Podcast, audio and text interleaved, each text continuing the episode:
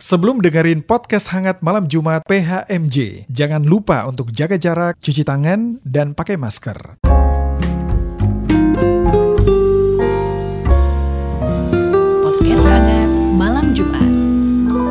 Halo, selamat malam Sobat Hangat di mana pun kalian berada. Senang kembali kita ketemu ya di malam ini di PHMJ, Podcast Hangat Malam Jumat. Dan buat kalian yang saat ini dengerin kami yang mungkin ada di rumah, yang masih di kantor, atau mungkin lagi on the way pulang ya. Semoga semuanya sehat-sehat ya. Dan Sobat Hangat, kami juga tetap mengingatkan semua, kita semua, siapa pun itu ya, tetap menerapkan protokol kesehatan ya. Dengan ya harus pakai masker, harus sering cuci tangan, harus jaga jarak, hindari yang rame-rame kerumunan, dan juga batasi mobilitas. Apalagi sekarang kan kita masih di uh, aturan PPKM ya, yang berlaku di Pulau Jawa dan Bali. Nah, kali ini masih ada saya Dodi yang menemani kalian semua di podcast Hangat Malam Jumat. Dan untuk episode kali ini kita udah masuk ke episode yang ke-40. Wah, nggak berasa juga ya. udah episode ke-40 aja kita sekarang. Dan kami hadir dalam suasana prapaskah. Di minggu lalu kita sudah bicara soal salib. Nah, minggu ini masih dalam masa prapaskah. Tentunya kita masih melihat soal bagaimana penderitaan, bagaimana kematian Tuhan Yesus untuk menebus kita ya. Dan masih berkaitan dengan tema Prapaskah, malam ini kita akan membahas soal vaksin. Nah, hari-hari ini pasti semua orang pada kepo lah ya. Pengen tahu kapan nih jadwal kita untuk vaksin. ya, mudah-mudahan semuanya sudah terinformasi dengan benar gitu ya. Vaksin itu apa, gimana cara mendapatkan vaksin dan yang lain. Tapi mungkin pada malam ini kita akan lebih membahas soal vaksin. Kan banyak orang bilang apa gue divaksin aja kali ya supaya hidup gue tetap berlanjut? Nggak kenapa-kenapa gitu kan. Bukan karena takut pada kematian tapi kita bertanggung jawab pada kehidupan kita ya. Kehidupan kita keluarga kita dan masyarakat di sekeliling kita. Nah sobat hangat pastinya kita udah dengar banyak macam sudah lihat uh, teman-teman teman teman-teman kita mungkin sudah ada yang divaksin gitu kan.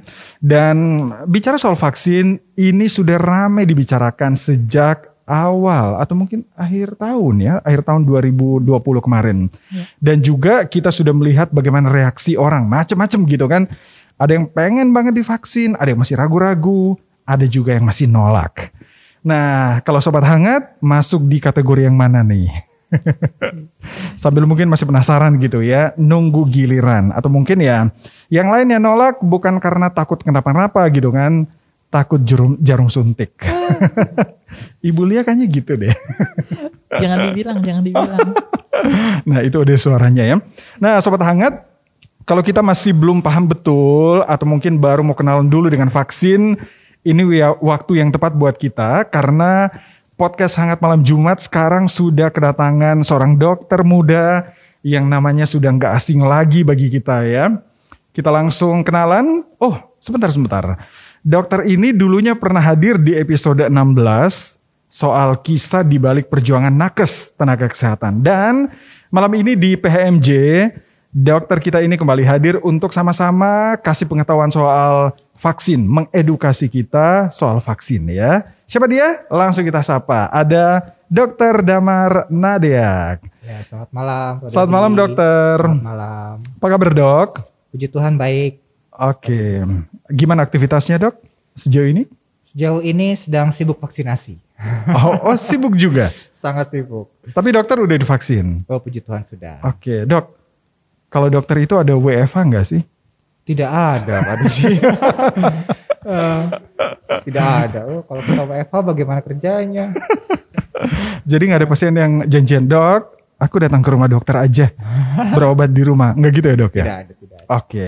Dan dokter sekarang praktek di mana dok? Saya sekarang praktek di Puskesmas Kecamatan Pesanggerahan di Jakarta Selatan. Oke.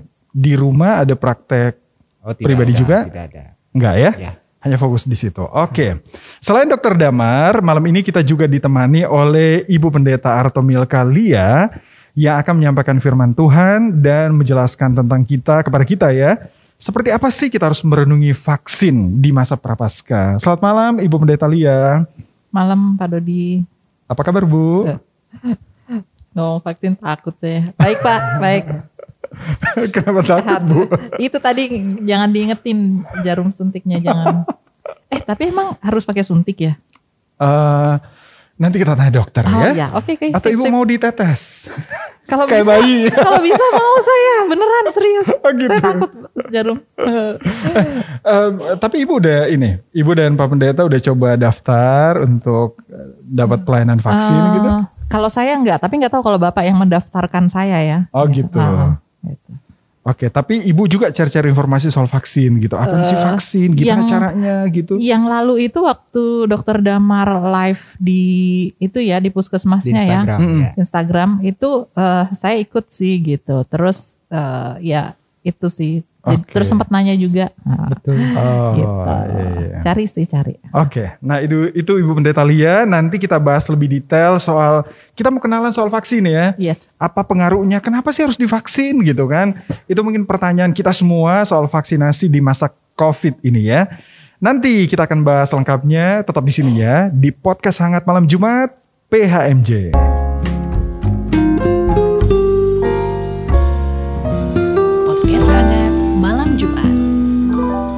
Podcast Hangat Malam Jumat PHMJ dari kami di sini di GPIB Kasih Karunia di Tangerang Banten. Kalian masih dengerin kami ya dan seperti yang tadi di pembukaan ya, pembukaan di openingnya. tadi kita udah perkenalkan tamu kita ada Dr. Damar Nadiak dan juga ada Ibu Pendeta Artomil Kalia Persang ya. Dan kita bicara malam ini soal vaksin. Jadi yang tadi kita bilang bukan cuman soal bicara aduh takut mati gitu ya. jangan, jangan. Tapi kita bertanggung jawab terhadap kehidupan kita, keluarga dan orang lain tentunya. Nah, sebelum berkenal eh, sebelum kita masuk bicara banyak soal vaksin, tadi Dokter Damar udah sedikit cerita ya eh, gimana tugasnya, Ya. bekerjanya di mana. Selain sebagai dokter, biasanya ada tugas-tugas pekerjaan lain nggak dok? Tugas Sehari-hari. pekerjaan lain eh, saya sebagai penulis lepas sih. Oh. Penulis lepas di Alo Medica. Alo Medica itu Alo dokter yang khusus untuk medis. Jadi saya penulis artikel medis di sana. Biasanya ada spesifikasi nggak? Spesialisasi dokter nulis soal apa gitu? Oh enggak sih, karena memang dari eh, editornya aja mereka mau menulis topiknya apa, mereka ngirim ke saya sebulan sekali gitu. Oh gitu. Tergantung apa dok? Request dari netizen yang bertanya atau gimana? Mungkin sih, karena saya kan begitu assignmentnya dikasih atau tugasnya dikasih, langsung saya dikasih topik bulan ini, tolong tulis ini gitu. Oke. Misalnya. Yang terakhir dokter nulis soal Yang terakhir saya nulis itu tentang eh, pengaruh rokok terhadap kesuburan pria. oh ya. Bukan soal vaksin ya. Bukan, bukan. Jadi berbeda. Topiknya memang agak-agak berbeda. Oh menarik juga nanti kita Ah. bahas ya. Kita bahas topik ini next ya itu, Bu ya. itu boleh ditanya nggak itu? Oh, tapi nggak sekarang ya. Sekarang Jangan kita vaksin dulu ya. Oh ya oke. Kita oke, bicara oke. vaksin dulu ya. Ya, boleh. Oke, nanti kalau Ibu Lia juga mau nanya boleh ya. Boleh ya. Boleh ke Oke. dokter ya. Nah dok, kita mulai nanya nih biar semua kita paham soal vaksin. Oke. Sebenarnya vaksin itu apaan sih dok? Oke, jadi vaksin itu sebenarnya adalah sebuah bahan antigenik. Bahan antigenik itu adalah bahan yang berasal dari bag- eh, bagian musuh ya. Kita bilangnya musuh ya. Musuh di Hmm. sini bisa virus, bisa bakteri, bisa racun ya, yang digunakan untuk menghasilkan kekebalan terhadap penyakit tersebut. Seperti Hmm. itu. Jadi pemberian vaksin ini eh, fungsinya untuk eh, mencegah atau mengurangi dampak infeksi yang timbul ketika kita terkena atau terpapar oleh si antigen ini gitu, baik itu virus maupun bakteri gitu. Hmm, Oke. Hmm. Nah, vaksin itu dari mana bikinnya dok? Oke, jadi vaksin itu sebenarnya bahan pen, eh, ter- dari dari penelitian yang pasti awalnya ya. Hmm. Jadi misalnya kalau yang kita langsung ambil contoh gampang saja, misalnya dari COVID yang sekarang ini, jadi bah- awalnya itu kita mengambil dari virusnya ya yang utama, karena kan Hmm. untuk mengenal musuh kita pasti harus tahu musuh kita itu siapa, Iya. gitu. Nah musuh kita itu Ngambil virusnya dari mana? Dari orangnya atau dia dari orang ya pasti. orang yang per- yang terkena? Betul, orang yang Oh, terkena lalu dikultur. Dikultur itu diperbanyak atau dikembangbiakan di dalam sebuah Oke. medium gitu ya.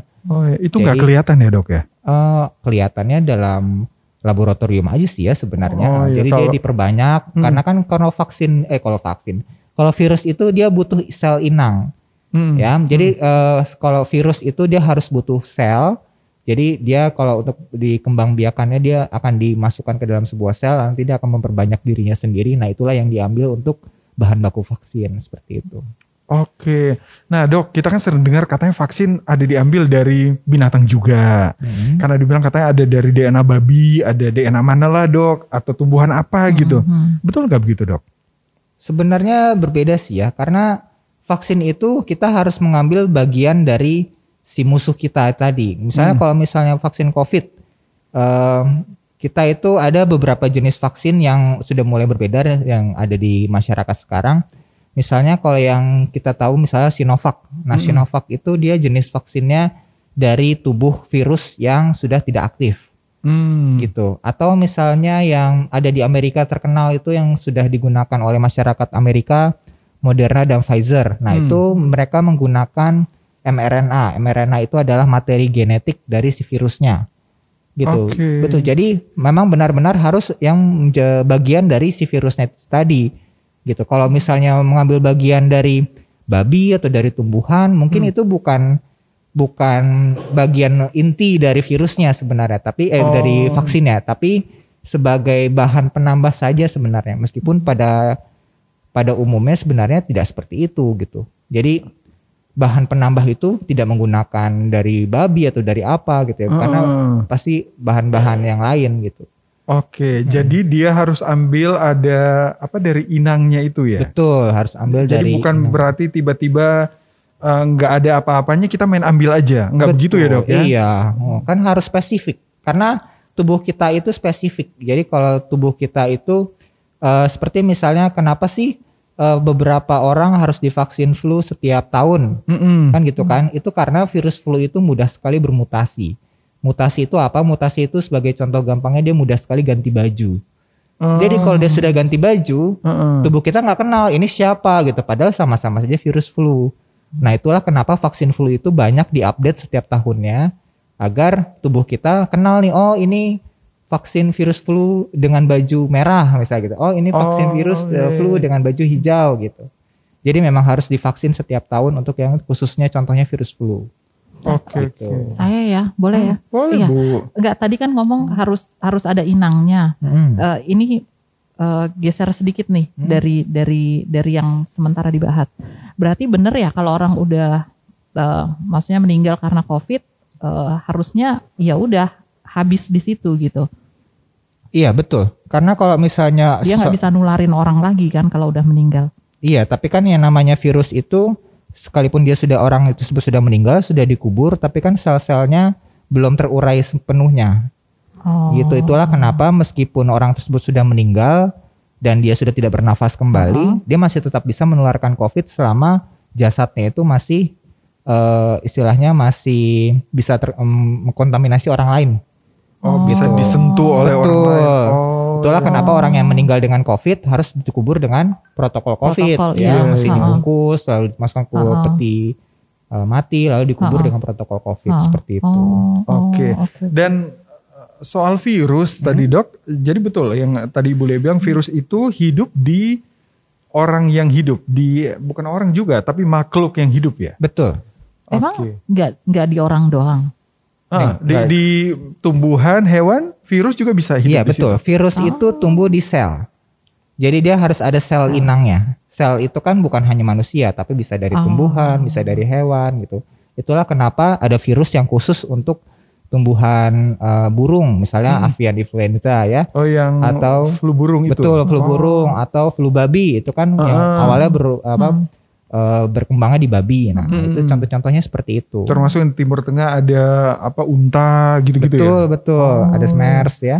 Iya, itu iya, juga iya. memang dia khusus karena memang virus itu kalau misalnya dari eh, seperti misalnya coronavirus ini kan katanya ke eh, dikabarkan asalnya dari kelelawar ya. Heeh. Nah, itu kan bermutasi karena dia bermutasi ganti baju akhirnya dia bisa pindah ke manusia. Itu karena proses mutasi itu tadi. Oke. Gitu. Ya, ya, ya. Coba kita jangan kasih baju ke dia bu ya. Iya. Biar ganti-ganti ya. Ini biar gampang. Heeh. Oke dok balik lagi ke Ah. vaksin. Hmm. Vaksin itu bentuknya apa ya dok? Sama kayak padat kayak obat atau bentuknya kayak air cairan biasa? Jadi atau bisa gimana? tetes gitu ya. Ah, ah. Bentuknya gimana tuh dok? Hmm. Eh, vaksin itu karena yang perlu harus di dasar eh, perlu digarisbawahi eh, vaksin itu bukan obat Oh iya. ya. Ah, Vaksin ah. dengan obat itu berbeda Mm-mm. ya. Jadi vaksin itu eh, secara umum bentuknya itu cair. Hmm. Kenapa? Karena kalau vaksin itu kan dia eh, seperti yang tadi saya bilang di awal adalah bahan atau zat eh, molekul genetik eh, antigen dari bagian tubuh eh, musuh kita, dari- atau dari virus atau dari bakteri Hmm. ataupun racun. Nah, itu kan bagian tubuh itu kan sangat kecil. Eh, Hmm. Kalau misalnya dia eh, mau dimasukkan ke dalam tubuh kita, itu dia harus mem- eh, memiliki zat pengantar. Nah, yang mengantarkan itulah yang disebut sebagai pelarut vaksin. Nah, mungkin ini yang tadi disebutkan oleh Pak Dodi tadi, pelarut vaksin ini bisa bermacam-macam, bisa zat kimia, bisa misalnya dari eh, apa namanya, zat-zat tumbuhan atau zat-zat hewan misalnya. nah, Oh, itu yang disebut iya. pelarut vaksin ini tadi Heeh. gitu. Itulah kenapa banyak orang yang bilang, oh ini vaksinnya halal atau tidak misalnya ya. Hmm. Itu karena pelarut vaksinnya itu tadi, bukan si vaksinnya itu sendiri. Oke gitu. oke. Sebagai Iya, iya. pembawa vaksin agar bisa dimasukkan ke dalam tubuh manusia. Seperti Iya. itu. Bu, jadi ini juga ya kita dapat pelajaran baru malam ini yang namanya vaksin itu bukan obat ya dok. Bukan. Hmm. Jadi misalnya orang yang udah wah kita mau divaksin supaya bisa mengobati eh, Iya. COVID-19 nggak gitu ya dok ya? Bukan, bukan. Oke oke. Nah, dok boleh tahu nggak Hmm? vaksin itu sejak kapan sih ada? Vaksin itu sudah lama sekali ya. Eh, vaksin pertama kali itu muncul pada saat wabah cacar pertama kali itu zaman zamannya kalau teman-teman sobat hangat mau cari itu googling ada masanya Edward Jenner ya. Oh, Edward Jenner itu dulu ada wabah cacar yang sudah sangat meluas di dunia dan membunuh banyak orang Hmm. dan dia berhasil mengisolasi virus cacar ini dari eh, sapi hmm. dari darah sapi diisolasi lalu akhirnya eh, di- di- ditemukanlah si virus cacar ini untuk disuntikan ke manusia Hmm. dan ternyata si bahan yang disuntikan ke dalam manusia ini akhirnya membentuk antibodi yang kemudian membuat manusia bisa melawan si virus cacar tersebut gitu jadi si bahan yang disuntikan inilah yang akhirnya disebut vaksin Oke. seperti itu itu awal mula penemuan vaksin Iya iya iya. Kita juga udah kenal cacar dari zaman kecil ya bu ya. Iyalah. betul Pas Udah kecil-kecil kan suruh suntik itu Suntik. tuh. Eh suntik. Iya, Iya, pakai ya. suntik kan. Iya oke. Eh, Eh, sudah. dok, eh, divaksin dan diimunisasi sama nggak dok? sama sama Ah. Tapi kenapa katanya beda? Maksudnya divaksin sama diimunisasi? Oke, karena sebenarnya eh, vaksin itu kan zat yang disuntikan. Hmm. Imunisasi itu sebenarnya proses eh, pembuatan imun, imunitas. Hmm. Imunitas itu kan daya tahan tubuh ya, pertahanan tubuh. Jadi sebenarnya eh, divaksin agar ter- eh, muncul imunitas tadi. Hmm. So, jadi sebenarnya imunisasi itu proses pembentukan imunitas melalui vaksin sebenarnya itu. Jadi Oh. merupakan proses lanjutannya gitu. Oke, jadi kalau misalnya sobat hangat bilang ini lagi vaksinasi atau sekarang lagi proses imunisasi itu sama aja. Sama gitu? saja. Sama aja ya. Oke, kalau tadi dokter bilang kan vaksin udah lama ya Betul. dari zaman cacar. Hmm. Eh, kalau sekarang semua penyakit ada vaksinnya nggak dok? Hampir semua penyakit menular. Jadi sebenarnya vaksin itu merupakan salah satu metode paling efektif Hmm. dalam memerangi atau memberantas penyakit menular. Menular aja. Menular. Oh jadi kalau cuma sakit kepala Bukan. atau misalnya eh, gimana ibu ya bu- yang bukan menular Nah. gitu itu nggak perlu divaksin nggak perlu vaksin dok ya berbeda.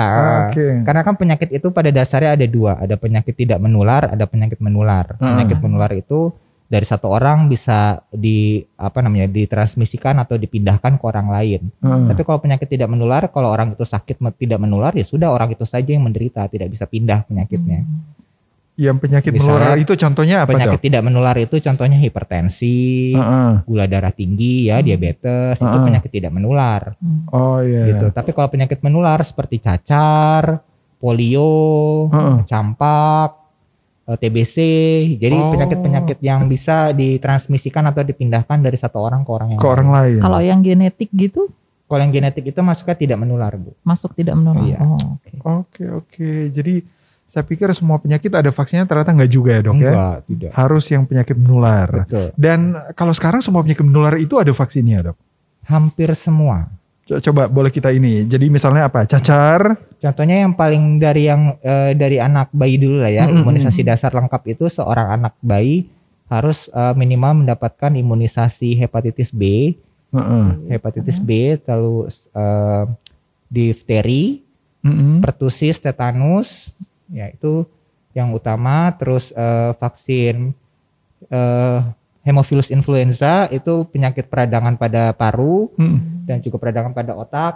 Terus penyakit campak, penyakit eh, HPV, hema apa namanya human papillomavirus, Mm. itu penyebab kanker serviks, itu ada vaksinnya sekarang. Terus juga vaksin rubella, vaksin eh, MERS untuk pa- pasien-pasien yang sedang mau naik haji, Mm-mm. terus vaksin banyak sih ya kalau disebutkan satu persatu banyak sekali. Tapi banyakan itu buat anak-anak ya. Iya, untuk anak meskipun pada orang dewasa juga ada. Kalau Eh. ditanya ada vaksin yang belum ada, eh penyakit menular yang belum ada vaksinnya ada. Contohnya yang paling mudah HIV. Oh iya ya. HIV itu tidak ada vaksinnya. Kenapa dok susah di ini? Karena eh, vaksin kalau tadi seperti yang tadi saya bilang untuk melawan virus itu kan kita perlu pertahanan antibodi tentara dalam tubuh. Iya. Dan vaksin itu bekerja ke- dengan memperkenalkan eh, si antigen si bagian tubuh si musuh kita itu dengan tentara kita. Iya. Hmm. Nah, masalahnya HIV itu menyerang tentara kita sendiri. Jadi lebih sulit untuk memperkenalkannya. Karena kalau kita kenalkan, maka tentara kita yang harusnya kena eh, melawan malah Oh. Tentara kita yang kalah. Karena kan dia menyerangnya justru langsung ke pusatnya, Oh. ke iya. yang buat antibodinya gitu. Iya, iya, itu iya. sampai sekarang masih masih belum ketemu vaksinnya. HIV ya. Hmm. Kalau yang COVID ini gimana dok? Kalau yang COVID Yang ini diserang bukan tentaranya kan? Bukan. apa sih sistem imun kita kan? Bukan, bukan. Kalau COVID ini dia menyerang ke eh, jadi kalau eh, virus itu kalau dia mau masuk ke dalam sel, Hmm. dia harus eh, istilahnya menempel ke reseptor. Reseptor itu adalah pintu masuknya. Seperti Di tubuh kita. betul di tubuh Hmm. kita.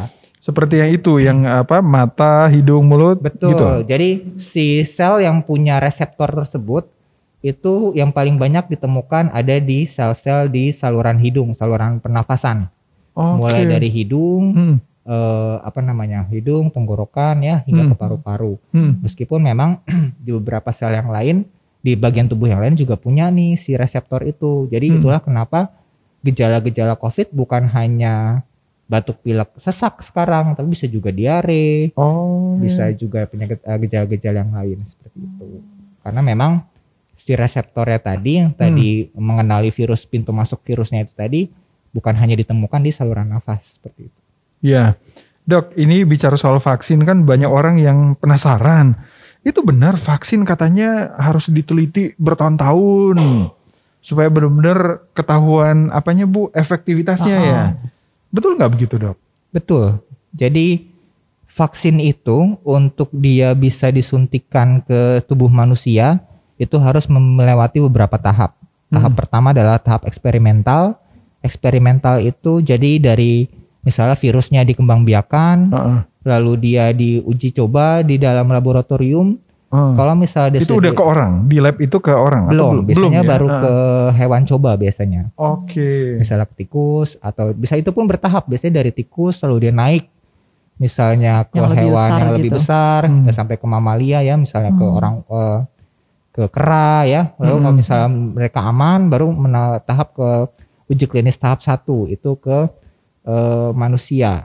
Oh gitu. iya, iya. prosesnya itu butuh berapa tahun? Biasanya sih Dok, butuh bertahun-tahun. dari proses ke proses fase ke fase itu. Iya, biasanya sih butuh bertahun-tahun dan cukup lama. Heeh. Cuma yang menjadi pertanyaan kok vaksin Covid cepat sekali. Iya, Nah, iya, iya. itu ya, Nah ya. itu gitu. Perasaan baru COVID kan muncul akhir 2019 ya. Iya. Ini setahun udah dapat vaksin. Iya. Itu gimana ya dok ya? Itu, karena vaksinnya valid nggak? ya itu karena eh, kita kan sedang dalam situasi pandemi. Jadi kalau situasi pandemi itu eh, untuk mendapatkan hasil yang valid kita butuh banyak sampel. Mm-mm. Nah berhubung kita situasi pandemi, maka sampel yang kita punya pun sangat banyak. Mm-mm. Itulah kenapa vaksin yang digunakan untuk COVID ini bisa lebih cepat karena satu sampelnya lebih banyak yang bisa Oh. ditemukan Iya. karena situasinya pandemi. Dan yang kedua banyak peneliti yang berlomba-lomba untuk Hmm. mencoba mencari lebih cepat eh, vaksin ini sehingga pandemi bisa tersegera teratasi. Itulah kenapa vaksin yang khusus untuk COVID ini bisa Hmm. lebih banyak, eh, lebih cepat eh, ditemukan dibandingkan dengan Oh. penyakit-penyakit lain seperti itu. Iya iya iya. Dan didukung juga teknologi saat ini sih sudah Lebih maju lebih ya. maju betul. Oke. Tapi jadinya ngorbanin orang nggak sih dok kalau kayak gitu? Sebenarnya sih tidak ya Bu ya. Karena kalau untuk masuk ke uji yang sekarang sudah disebar ke orang banyak itu kan harus uh, lewat uji klinis tahap 3 Ha-ha. ya. Hmm. Jadi seperti yang tadi tahap pertama itu eksperimental, tahap Ha-ha. kedua itu uji klinis tahap 1. Hmm. Itu dicoba untuk 100 orang. Oh udah ada orang tapi Sudah kelompoknya orang, tapi kecil. cuma 100 orang. Hmm. Uh, Itu, di juga- satu daerah. Iya, biasanya. Ah. Dan itu sudah menilai keamanannya Mm-mm. di tahap 1. Kalau dia sudah Oh. lulus uji klinis tahap 1 itu berarti vaksinnya sudah aman. Mm-mm. Lalu masuklah ke uji klinis tahap 2. Kalau tahap 2 itu minimal seribuan orang. Lebih banyak. lebih besar Seribu. lagi. Heeh. Betul. Lalu kalau sambil dilihat apakah muncul efek samping berat. Hmm. Gitu. Jadi Oh. keamanan itu di tiap tahap itu terus diteliti. Mm-mm. Mhm. Kalau misalnya dia sudah lulus uji klinis tahap 2, masuklah dia ke uji klinis tahap 3 di mana vaksin sudah mulai disebarluaskan. Oh. Seperti itu. Nah, uji Oh. klinis tahap 3 ini untuk melihat efikasi. Efikasi itu kemampuan vaksin atau efektivitas vaksin dalam melawan penyakitnya. Si, si Hmm. penyakitnya. Virusnya, gitu. Si virusnya. Oke. Oh.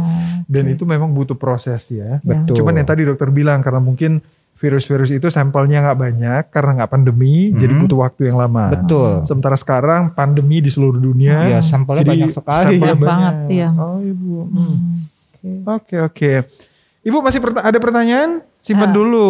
Oh gitu ya. Segmen boleh? berikutnya. Oh, Oke deh.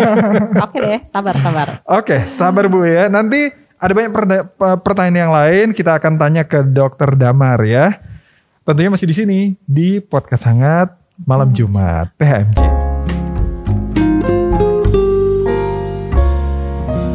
Podcast Hangat Malam Jumat. Sobat hangat masih di sini di podcast hangat malam Jumat. Selamat malam dan selamat bergabung buat kalian semua yang baru mendengarkan kami ya. Ini bentuk pelayanan kami dari GPIB Kasih Karunia di Parung Serap, Tangerang, Banten. Dan kita bukan baru loh, kita udah episode ke-40 ya. Itu banyak ya. Iya, Dokter Damar aja udah dua kali kan Bu Oh, ya. oh. Kita bicara soal bagaimana nakes berjuang di tengah pandemi dan sekarang malam ini kita bicara soal vaksin. Kita memulai PMJ ini waktu awal-awal pandemi ya Bu ya. Eh, Iya, le- berapa bulan setelah itu lah. Ah, ah. Ah, Dari kita berharap soal vaksin, sekarang vaksin udah ada. iya. Walaupun harus tunggu giliran ya dok ya. Iya betul. Karena ya akan divaksin targetnya berapa? 180-an juta ya. Betul. Untuk Indonesia hampir ratusan juta sih. Iya, iya. Oke. Masih ada Dokter Damar Nadiak dan juga ada Ibu Pendeta Arto Milkalia Persang, saya Dodi dan teman-teman di sini di PHMJ ya, podcast Hangat Malam Jumat.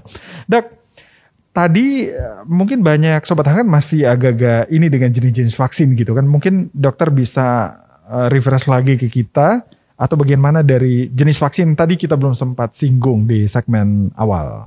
Oke. Jadi secara umum jenis vaksin itu eh, vaksin bisa dibagi menjadi empat ya. Hmm.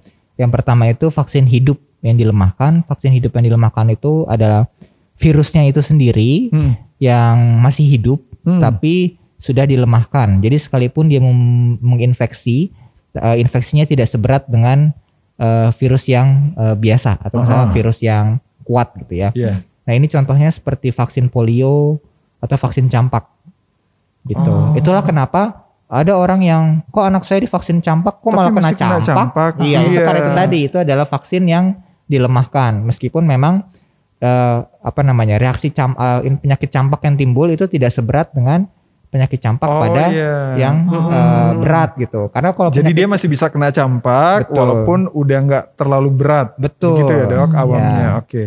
Karena kalau penyakit campak yang berat itu anaknya sampai tidak sadar. Oh. Ya, karena virusnya sudah menyebar ke otak. Gitu. iya. Jadi bukan hanya sekedar merah-merah di kulit Heeh, gitu ya. Oh. Itu dia. Lalu yang kedua itu adalah vaksin inaktif. Vaksin inaktif itu adalah bagian eh, eh, bukan bagian, tapi virus itu sendiri yang sudah dimatikan. Jadi dia sudah tidak aktif lagi. Gitu. Jadi Oke. itulah eh, contoh Tapi yang kalau udah mati itu dia tetap disebut virus ya dok? Saya mau Iya. itu. Betul. Ya udah. Tapi Iya, tetap tetap disebut terus tetap virus. berfungsi.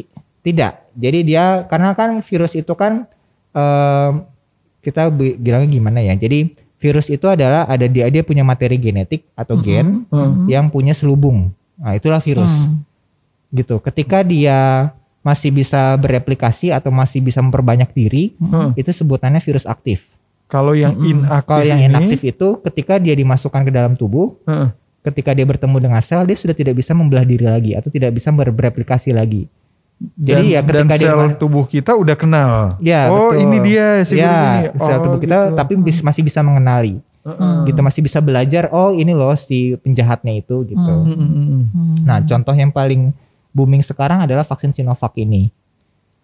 Oh yang Ya, sekarang. Yang sekarang digunakan termasuk di yang Indonesia. divaksin ke dokter Betul. dan juga mungkin sobat hangat yang lain ya. betul. Itu yang kategorinya inaktif, ya vaksin inaktif. yang udah nggak aktif, bukan yang Betul. hidup ya dok ya. Betul, vaksin Oke. inaktif itu. Nah, jadi kalau misalnya ada yang bilang, ah nanti eh, saya nggak mau ah divaksin, nanti saya malah kena corona lagi Heeh. gitu karena eh, disuntikin virusnya. Nah, Hmm. salah karena vaksinnya ini sudah tidak aktif. Jadi sekalipun dia dimasukkan dalam tubuh, Mm. ya dia sudah tidak bisa menimbulkan infeksi COVID lagi seperti itu.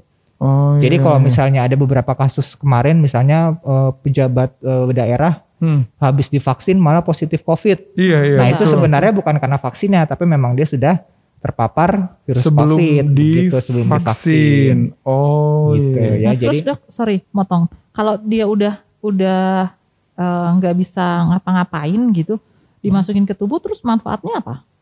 Jadi dia manfaatnya hanya untuk mengenalkan. Heeh. Jadi kalau kan seperti yang tadi saya bilang di awal, eh, tubuh kita bisa melawan kalau tubuh kita kenal Oh, dengan penjahat tersebut Oke. gitu. Jadi iya, iya. kalau misalnya dia tidak terpapar, tidak kenalan, ya tubuh kita nggak nggak bisa melawan gitu. Oh iya, oke Nah, oke. itu dia. Iya, iya. Lalu yang ketiga adalah eh, vaksin toksoid. Toksoid itu racun yang dilemahkan. Contohnya yang paling gampang itu adalah vaksin tetanus. Heeh. Jadi tetanus itu eh, sebenarnya bukan bukan bakteri yang menginfeksi, tapi bakteri dia mengeluarkan racun. Nah racun itulah yang berbahaya bagi tubuh kita. Oke. Gitu. Nah Iya, vaksin iya. toksoid ini jadi si tubuh kita diperkenalkan dengan si racunnya tetanus ini gitu. Hmm. Jadi ketika kena eh, ada racun tetanus masuk, tubuh kita sudah bisa melawan. Iya, iya, iya. Gitu. Tetanus saya inget paku bu, paku Nah paku betul, paku berkarat ya. Oh iya iya. Itu, iya. Nah, itu dari bayi paku dari bayi udah diperkenalkan Oh, tuh iya. vaksin tetanus itu. Oh, itu juga diberikan pada bayi. Betul, daripada bayi Oke. iya, dari iya. umur dua bulan sudah diperkenalkan. Oke. Itu yang Lalu ketiga. yang Keempat. ketiga dan yang terakhir itu vaksin sub eh, subunit. Subunit itu jadi kalau tadi yang inaktif itu kan virus yang benar-benar virus eh, utuh. Hmm. Tapi kalau subunit itu hanya bagian dari virusnya saja. Entah itu protein di selubung virusnya, entah itu materi genetiknya, si gennya. Hmm. Contoh yang paling mudah yang tadi saya bilang, yang Moderna dan Pfizer yang ada di Amerika sekarang, itu mereka menggunakan mRNA. mRNA itu adalah materi genetik atau gen dari virus COVID-nya. Oh iya. Oh, gitu. masing-masing perusahaan produksi vaksin juga beda-beda ya dok. Betul, ya? Yang kita beda-beda. pakai Mereka sekarang Sinovac, Sumbernya dari, dari mana? Moderna, dari Pfizer, dari mungkin di kita juga kan lagi dikembangkan ya di Betul. Indonesia. Yang paling bagus apa dok? Yang paling bagus eh, tergantung dari efikasinya sebenarnya. Beberapa ya yang namanya produksi pabrik pasti mereka mengapa namanya mem- membuat eh, memberikan statement kalau Hmm. mereka paling bagus gitu Iya. ya. Kecap Tapi- nomor satu lah ya betul ya. ya. Nah, Bisa. tapi memang eh, kalau menurut saya untuk melihat siapa yang paling bagus masih terlalu cepat Hmm. Ah. karena kan memang eh, untuk melihat siapa yang paling bagus itu kita harus masuk ke uji klinis fase 4. Oh. Nah, itu yang sedang masih berjalan sampai sekarang gitu. Jadi kalau efikasi itu kan melihat efektivitasnya si virus eh, si vaksin ini masih Ah. bertahan sampai berapa lama. Hmm. Oh. Nah, itulah Oke. yang masih terus diteliti sampai sekarang. Ya masih butuh waktu ya. Betul. Tadi dokter sempat bilang soal virus dan bakteri. Mm-mm. Jadi vaksin ini untuk melawan si virus atau bakteri atau sama aja dok? Ter- tergantung penyakitnya Hmm. ya. Jadi eh, ada beberapa penyakit yang disebabkan oleh virus, ada beberapa penyakit yang disebabkan oleh bakteri. Contohnya seperti eh, polio. Kalau polio itu kan virus polio penyebabnya. Hmm. Tetapi kalau misalnya eh, difteri itu penyebabnya adalah bakteri. Difteri itu sakit apa sih? Eh, peradangan pada selaput tenggorokan Heeh. yang sempat booming kema waktu tahun 2017 ya. Heeh. Ya, yang Apa, wabah is- difteri merebak ISPA kembali gitu ya. sih? Oh. Jadi dia itu peradangan pada tonsil atau pada anak eh, saluran nafas atas lah ya. Jadi dia Hmm. sampai membengkak sampai menutup saluran nafas. Jadi kalau dia membengkak bukan amandel dok, beda Nah, ya? pada amandelnya Amandel. itu justru betul. Oh. Gitu. Jadi kalau dia sampai seperti itu ya anaknya anak yang terinfeksi sampai susah bernafas seperti itu. Dan itu menular. Dan itu bisa menular. Oke oke. Jadi itu beda ya sobat hangat. Ah. Ada ternyata ada ada virus, ada bakteri juga ya. Betul. Oke oke. Em, dok, ada kan vaksin yang diberikan ke anak-anak, ada orang dewasa yang tadi kita sempat bahas ya. Hmm. Kalau anak-anak kan kita juga bisa milih ya bu ya. Eh, Anak-anak sekarang kan udah bisa milih mana yang ada panasnya, ada efeknya, ada yang enggaknya. Rata-rata begitu ya dok. Sebenarnya eh, tidak semua bukan tidak semua ya. eh, sebenarnya yang namanya eh, vaksin ketika dia disuntikan ke dalam tubuh manusia, Hmm. manusia tersebut akan menimbulkan memberikan respon. Hmm. Dan sebenarnya demam itu merupakan suatu hal yang wajar. Ya, jadi sebenarnya demam Oh. Bukan merupakan ditakuti, wih nanti demam. Iya, Habis karena vaksin kok demam gitu. betul.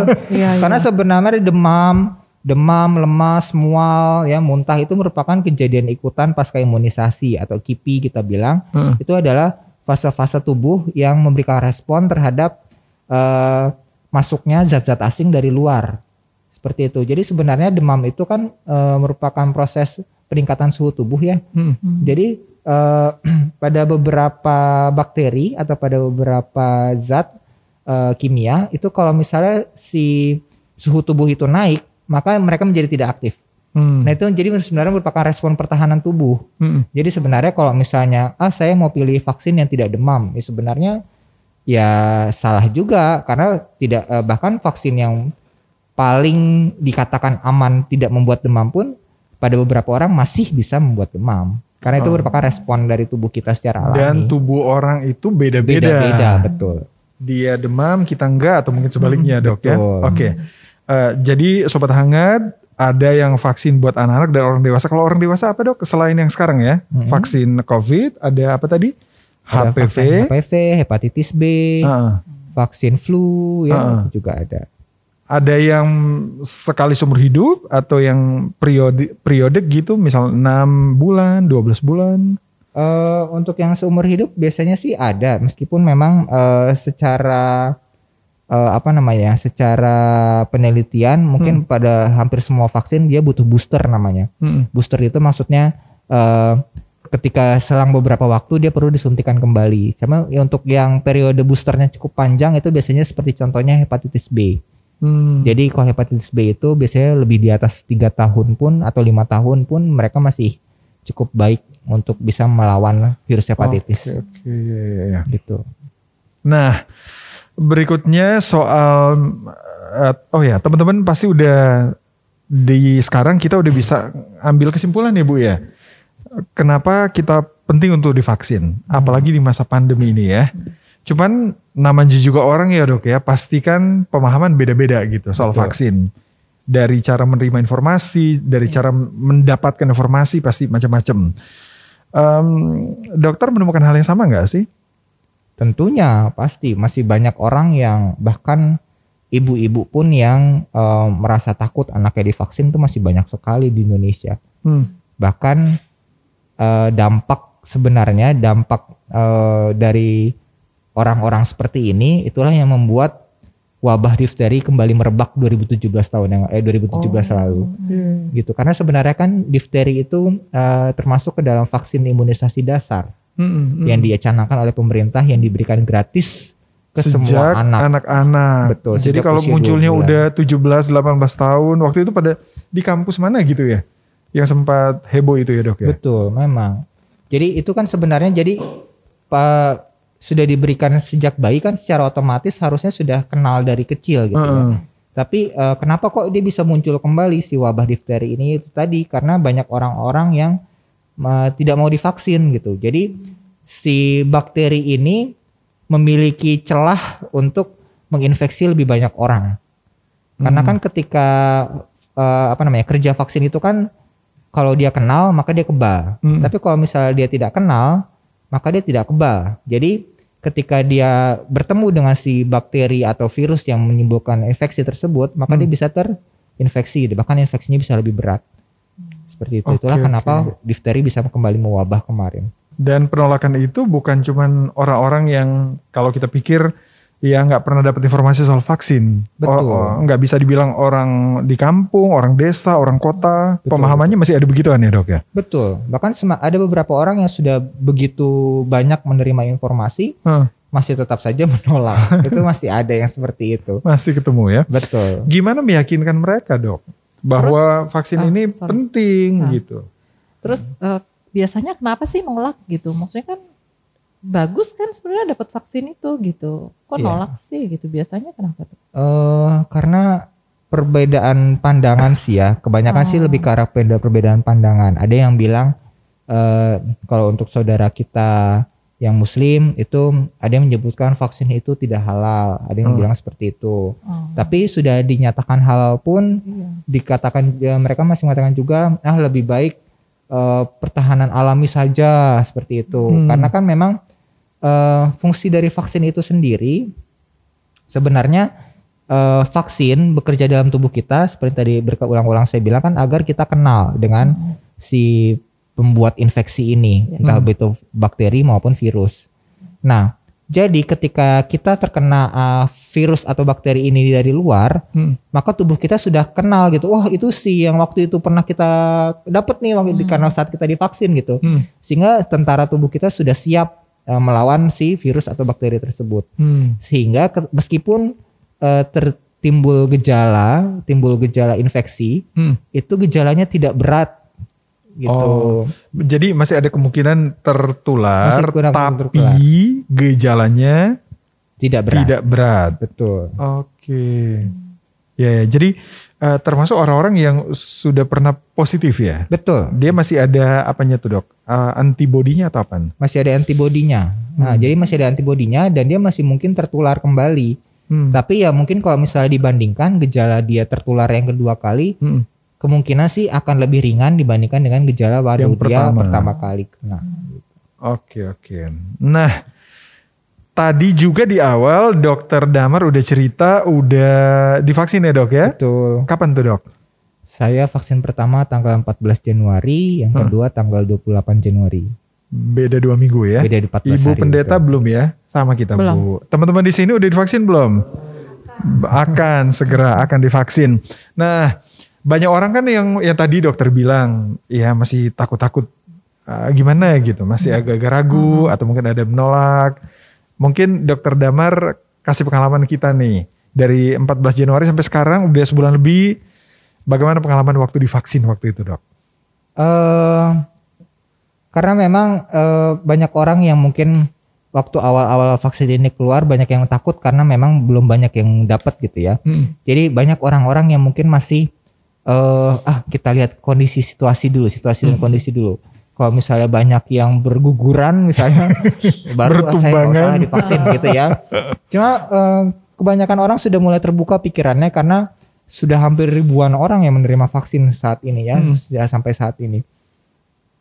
Dan kalau dari pengalaman saya pribadi, eh, ketika divaksin yang tanggal 14 Januari kemarin itu, mungkin pada beberapa orang ada yang bisa muncul demam ya atau Hmm. muncul mual, pusing ya. Tapi puji Tuhan sih saya nggak ada mengalami gejala hal seperti itu. Demam enggak? Demam tidak, uh, sakit, pusing, nyeri-nyeri mual, gimana gitu, Dok? Tidak ya. Mual pun tidak, Cuman rasa pas ditusuknya doang. ya nyeri saat disuntiknya saja. Atau mungkin karena sedikit, karena gitu. dokter udah nggak biasa kali bu? ya? Iya, tapi kan sudah Udah nggak berasa karena udah sering. Oh gitu ya. Jadi aman aja gitu ya. Iya. Oke deh. Cuma mungkin ada beberapa hal yang eh, sering saya dengar ketika Hmm. habis divaksin itu adalah mudah mengantuk dan cepat lapar.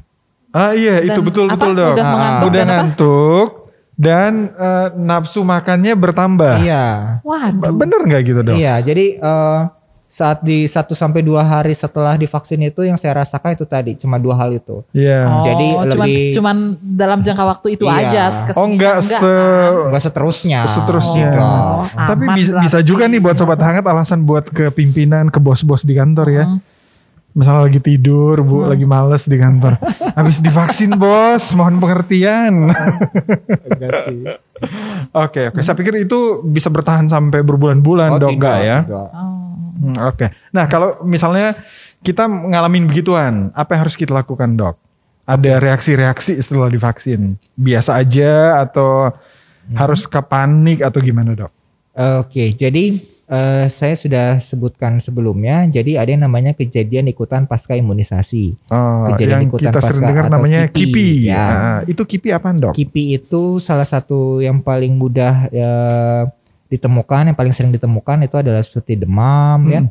atau pegalinu ya di tubuh seperti badan lemas, lalu mual. Itu mungkin pada beberapa orang dapat terjadi, tapi tidak semua orang. Hmm. ya tidak semua orang dan eh, itulah kenapa berhubung ini vaksin baru jadi pasca disuntik eh, teman-teman sobat hangat akan diobservasi selama 30 menit itulah Hmm. fungsinya untuk melihat apakah ada kejadian reaksi cepat pasca suntikan Mm-mm. yang paling ditakutkan itu adalah gejala reaksi eh, anafilaktik atau reaksi alergi berat Oh, misalnya apa dok? reaksi alergi berat itu seperti eh, muncul apa namanya eh, bengkak pada wajah, bengkak Mm-mm. pada saluran nafas yang menimbulkan seseorang bisa sulit bernafas. Tapi itu pernah kejadian? Sampai saat ini belum. Belum. Oh, Sampai oke. saat ini. Sepanjang dokter eh, kan di di tempat dokter ada vak- Vaksinasi, vaksin juga iya. kan? Nggak ada tuh. Sampai saat ini untuk kejadian berat belum ada. Hmm. Gitu. Dan setahu saya dari mendengar dari dari teman-teman lain di wilayah lain pun sampai saat ini belum ada. Gitu. Hmm. Tapi itu tadi fungsi 30 menit harus menunggu tadi adalah fungsi Maksimal itu atau minimal setengah jam kita harus nunggu? minimal. Oh, Oke. minimal 30 menit baru kalau Diam di situ, diam di tunggu tempat ya. pada saat vaksinasi berlangsung Dok, boleh nggak habis divaksin kita langsung olahraga? Misalnya kamesak, langsung main, Main bola. gitu. Olahraganya berat gitu. Pak Dodi main bulu tangkis. Heeh, bisa nggak kayak gitu dok? sebenarnya sih boleh-boleh saja ya cuma yang itu tadi kejadian ikutan pasca imunisasi itu kan muncul terja- eh, mungkin terjadi Hmm. jadi sebaiknya untuk eh, mengoptimalkan kerja dari antibodi kita Hmm. sebaiknya setelah divaksin itu istirahat yang cukup Hmm. gitu kalau bisa istirahat yang cukup agar antibodi kita tubuh kita bisa merespon vaksin yang masuk ke dalam tubuh kita tuh dengan lebih maksimal seperti itu Oke. istirahat oke. cukup, makan makanan yang bergizi. Eh ya kalau bisa tidak terlalu berat lah aktivitasnya. Iya. Waktu yang paling baik untuk divaksin kapan dok? Pagi, siang, Oh, sore? tidak ada. Nggak ada waktu Nggak gitu ada ya? waktu yang pen- Soalnya kalau ngantuk kan enakan malam ya bu ya.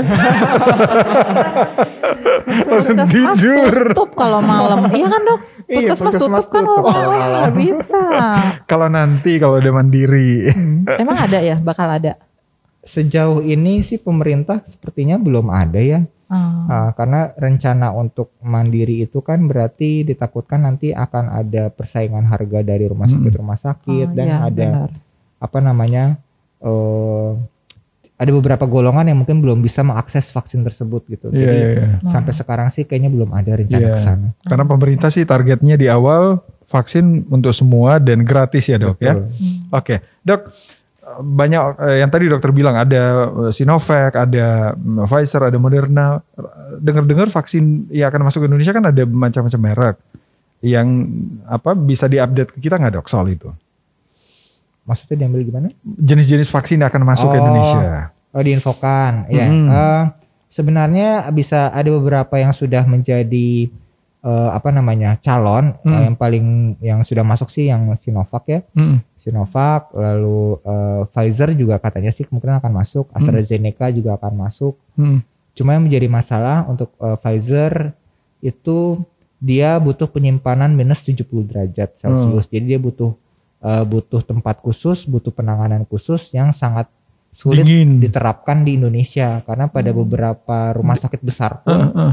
Itu tempat penyimpanan minus 70 derajat itu tidak ada. Oh gitu. Kalau kulkas Ya. kita berapa ya bu ya? Kulkas itu kalau kulkas rumah tangga itu sekitar 2 sampai 8 derajat Celcius. Kalau yang ini ya freezernya. Kalau yang freezernya itu ya minus di minus 0 derajat eh, minus eh, Oh. di bawah minus eh, di bawah 0 ya. Cuma Tapi nggak sampai ke yang sampai berapa? 70 juga. Iya. Minus 70 ya. betul.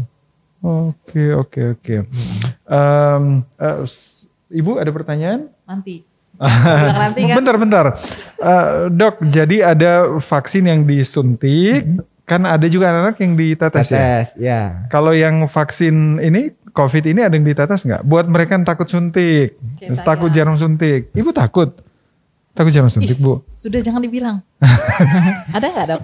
Sejauh ini eh, sepertinya tidak ya karena Ya, nggak. berbeda dengan eh, tempat ininya, tempat apa namanya, tempat eh, virus itu masuk Heeh, gitu. Karena kenapa sih eh, vaksin polio kan ditetes itu vaksin polio sebenarnya. heeh, Heeh. Kenapa vaksin polio itu ada yang ditetes? heeh. Karena salah satu tempat virus itu masuk adalah melalui usus. Jadi Oh. kalau kenapa eh, anak-anak eh polio itu ada yang ditetes oral ya melalui mulut karena tempat virus itu masuk adalah Hmm. melalui usus. Jadi Oh kalau jadi misalnya oral. betul, itulah kenapa Oh. diminum atau ditelan. Oh, Tapi kalau misalnya vaksin COVID, kalau misalnya ditelan, kan yang utama itu kan sebenarnya di saluran nafas. Nafas. Heeh. Oh itu nggak Iya. nemu ya? Nggak nemu ya Iya. dok? ya? Terlalu Oh. jauh. Oke dok, kalau saya lihat nih, ada kan kalau disuntik yang dari hanya suntik dimiringin gitu dok. Mm-mm. Kayaknya suntiknya cuma di lapisan kulit luar. Ini kan kalau suntik COVID tuh nancep gitu dok. Mm. Lu, eh, iya posisinya gitu Iya, ya. intramuskular, Disuntik, betul. Masuk ke dalam gitu. otot. Itu apa bedanya dok? Itu tergantung dari eh, jenis vaksinnya sebenarnya. Misalnya eh, jenis vaksin dan eh, istilahnya kita bilang gimana ya, eh, kemampuan si vaksinnya tersebut dapat menimbulkan efek. Hmm. Misalnya kalau misalnya vaksin COVID itu dia harus benar-benar masuk ke dalam otot. Hmm. Kenapa? Karena si zat pembawa atau zat pelarut vaksinnya itu salah satunya adalah aluminium. Kalau misalnya dia masuk ke dalam jaringan lemak, itu jaringan lemaknya akan mati.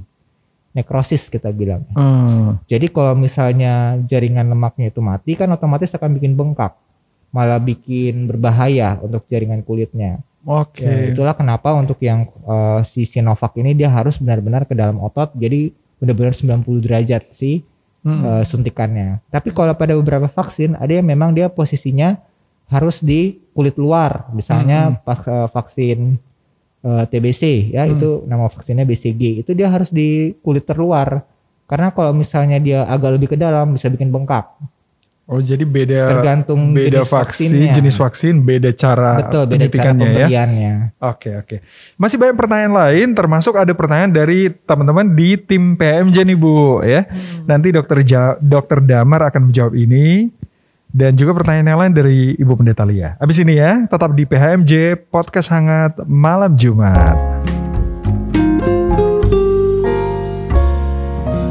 Podcast hangat malam Jumat. Sobat Hangat masih di PHMJ malam ini masih ada saya Dodi, ada Dokter Damar Nadiak dan juga ada Ibu Pendeta Artomil Kalia Persang. Kita masih mengedukasi, Dokter Damar masih mengedukasi kita semua Sobat Hangat tentang vaksin ya. Dan eh, tadi Dokter Damar bilang vaksin itu ada banyak jenisnya. Ada macam-macam lah yang tadi kita udah belajar dari dokter ya soal vaksin. Dok, kalau dari sisi umur, vaksin itu ada batas nggak? Terutama di vaksin sekarang nih, di COVID-19 ini dok. Kalau untuk COVID-19, jadi eh, kita melihat dari penelitian ya. Hmm. Jadi kalau dari penelitian saat ini yang baru muncul, itu batasannya hanya untuk orang dewasa dulu. Hmm. Eh, batasan orang dewasa itu adalah 18 tahun ke atas. Mm-mm.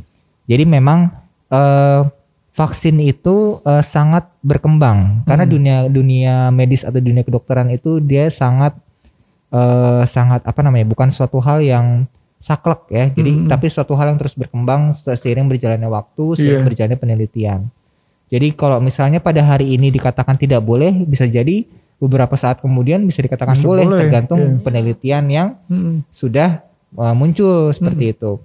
Jadi contohnya misalnya lansia, pada Hmm. waktu muncul pertama kali vaksin uh, COVID uh, masuk ke Indonesia itu lansia masih belum boleh. Mm-mm. Tapi seiring berjalannya waktu, beberapa waktu yang lalu, baru saja kurang lebih sekitar dua minggu yang lalu, Iya. keluarlah izin dari BPOM yang menyatakan lansia boleh divaksin. Itulah Hmm. kenapa saat ini pun uh, mulai dari seminggu yang lalu lansia sudah mulai Sudah mulai divaksin, divaksin. seperti itu. Iya.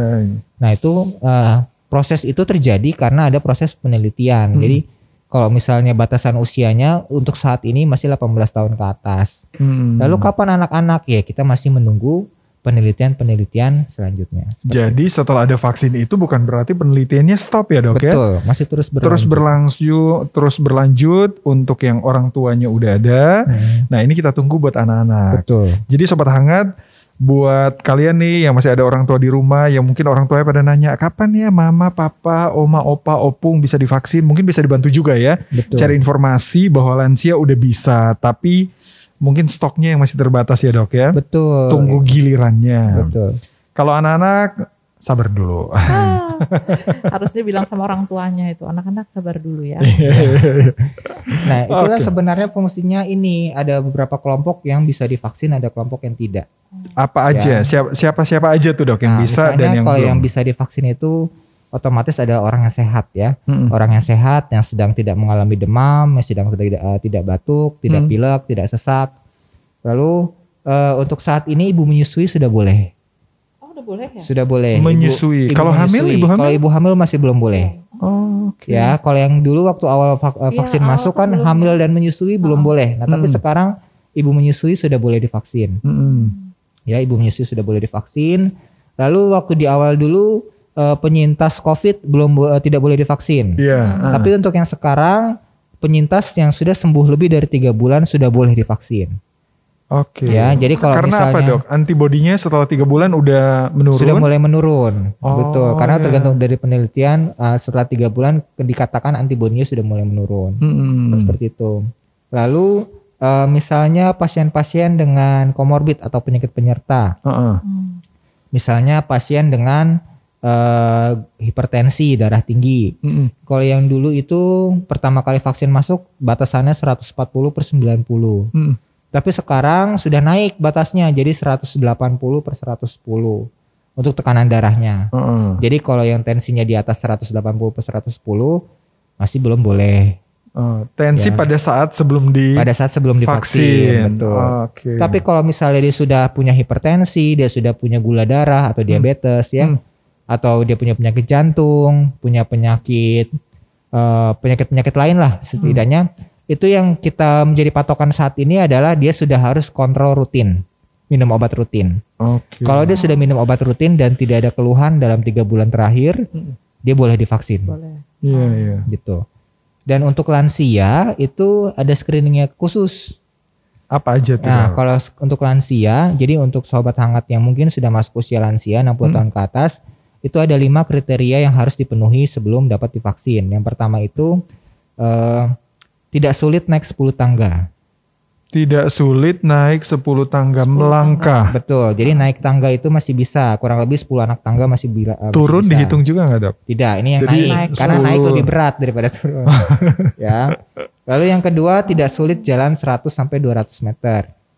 Oke. Jadi kalau misalnya serat, baru 50 meter dan ngos-ngosan, nah berarti itu sudah tidak lolos kriterianya. gitu Heeh. ya. Lalu yang ketiga tidak sering merasa lelah. Jadi Hmm. kalau misalnya sedikit-sedikit sudah capek ngos-ngosan, nah itu berarti sudah tidak masuk kriterianya. Lalu yang Oke. keempat, bentar-bentar dok. Hmm. Kalau misalnya ada orang tua kita bilang, Mama udah lelah sama kamu, bukan gitu ya kategori bukan, lelah ya. bukan. Papa udah lelah sama kamu. beda ya itu ya. Kirain mau kasih contoh beneran gitu loh. Beda kasus. Ah. Oke. Lalu yang keempat itu tidak turun berat badan drastis dalam satu tahun terakhir. Oh. Misalnya waktu tahun lalu berat badannya 45 kilo, kok sekarang cuma 38, itu kan berarti sudah turun 7 kilo ya. Hmm. Sudah berat, sudah drastis itu namanya. Tapi Alasan- kalau apa pun alasannya dok, Apa pun Eh, alasannya. Misalnya iya emang karena lansia kita lagi diet. Oh tidak, karena Nggak gitu kalau ya? diet itu paling turun sekitar 3 kilo, 4 kilo. Oh, nggak 8 boleh drastis. Nah, itu kan drastis sekali 7 Oke, kilo oke, turun oke. gitu. Karena ditakutkan yang paling mudah menyebabkan berat badan turun adalah kanker. Oh. Ya, karena berat badan turun drastis itu biasanya pada penyakit kanker gitu. Oke oke. Lalu yang terakhir adalah memiliki kurang dari 5 komorbid. Jadi kalau lansia itu kan komorbidnya penyakit penyertanya banyak ya. Hmm. Ada asma, ada darah tinggi, ada hipertensi, ada ginjal, ada Hmm. penyakit paru, ada banyak lah pokoknya. Hmm. Nah itu coba di list penyakitnya. Kalau sudah lebih dari lima, nah Hmm. berarti sudah tidak lolos kriteria. Berarti screeningnya dari dianya. Ya dari diri sendiri. Eh, gimana kalau lansia itu misalnya, aduh pengen divaksin, ini sih ada komorbid cok, tapi nggak usah ngaku aja, Oh, bilang aja darah tinggi, boleh nggak kayak gitu nah dok? kalau seperti itu berarti nanti membahayakan diri sendiri. Ah. Gitu kan kita harus bertanggung jawab juga terhadap diri kita sendiri. gitu ya. jujur ya, informasi yang Betul, jujur itu penting ya informasi dok ya. jujur. Tapi waktu mau mereka mau dapat vaksin kan di Screening. di situ ditanya lagi Betul, kan semua yang itu tadi kan. Hmm. gitu. Oh. Jadi eh, kalau misalnya mau vaksin pun pasti akan ditanyakan ulang yang Hmm. tadi saya sebutkan. Hmm. Nah kalau misalnya sudah lebih dari tiga yang eh, tidak lolos, Hmm. itu tidak boleh divaksin. Tapi Hmm. kalau misalnya baru dua yang tidak lolos, Hmm. ya masih boleh Masih. gitu. Jadi Hmm. batasnya itu tiga ke atas. Hmm, Oke. Kayak kalau lima limanya ya udah nggak boleh. Gitu. Oke, jadi itu informasi penting ya untuk lansia. Untuk anak-anak tadi dokter udah jawab. Efek samping tadi kita udah bahas bu ya, ya dok ya. Sudah sedikit. Efek samping. Tapi ada nggak sih dok eh, dari sejarah vaksin ini ke apa pun gitu, termasuk vaksin COVID, ada nggak yang benar-benar efek sampingnya parah gitu? Sampai saat ini sih ada beberapa kasus di beberapa belahan dunia lain ya.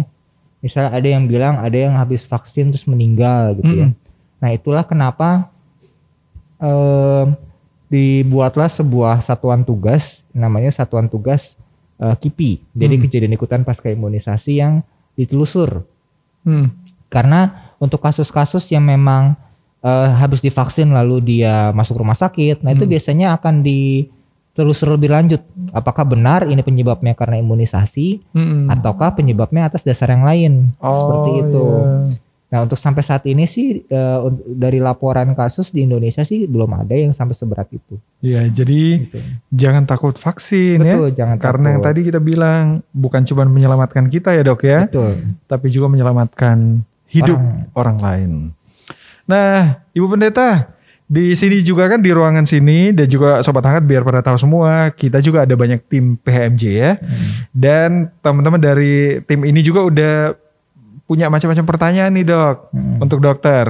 Bisa dijawab dok ya. Boleh silakan. Yang pertama dari Bro Eki. Gini dok, kan dulu pernah ada flu Spanyol, Ya. ya. Em, waktu itu apa ya? Dia sembuhnya flu itu karena ada vaksin juga atau gimana dok? Kalau dibandingkan misalnya sekarang dengan kalau semua orang udah divaksin, Mm-mm. eh, apakah COVID ini masih akan tetap ada? Obatnya juga sudah ada, jadi COVID ini nanti nggak tahu sih berapa tahun lagi cuma jadi kayak penyakit biasa, kayak flu biasa gitu. Ya. Obatnya udah ada, orang udah nganggap, oh iya ini eh, ya flu biasa gitu. Ya sebenarnya untuk em, penyakit virus itu kalau misalnya dikatakan obat khusus yang dapat mematikan virusnya itu sebenarnya tidak ada. Hmm. Ya jadi eh, kalau misalnya seperti yang paling mudah adalah virus flu. Virus flu itu obat flu, obat flu yang diberikan oleh dokter itu Hmm. bukannya mematikan virus flu-nya. Gitu. Kenapa? Karena virus flu virus itu tidak bisa mati. Hmm.